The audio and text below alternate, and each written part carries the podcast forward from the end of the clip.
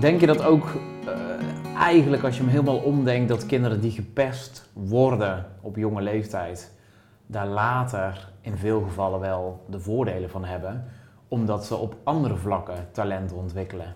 Dus als ze de kleine schrale Harry zijn, dat ze wel qua humor of qua intelligentie of qua verbale skills beter ontwikkelen? Of, of is dat, ja, is dat niet zo, zo, zo Nou, zou kunnen. Kijk, wat je ook, ook dezelfde stroming het over hebben, of iemand wordt gepest en in die situatie ziet dat als een probleem en als erg en als falen, of iemand ziet dat als een les of een kans die uh, hij of zij nog moet leren.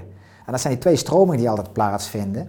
Uh, en je hebt een stroming die vroeger best wel gepest is en die er nog steeds last van hebben. En die er ook verder niks mee gedaan hebben. Er zijn zoveel trainingen en cursussen waar je daar kunt bespreken en, en misschien die rock en die river methode kan toepassen. Uh, en sommigen die komen daar zelf uit.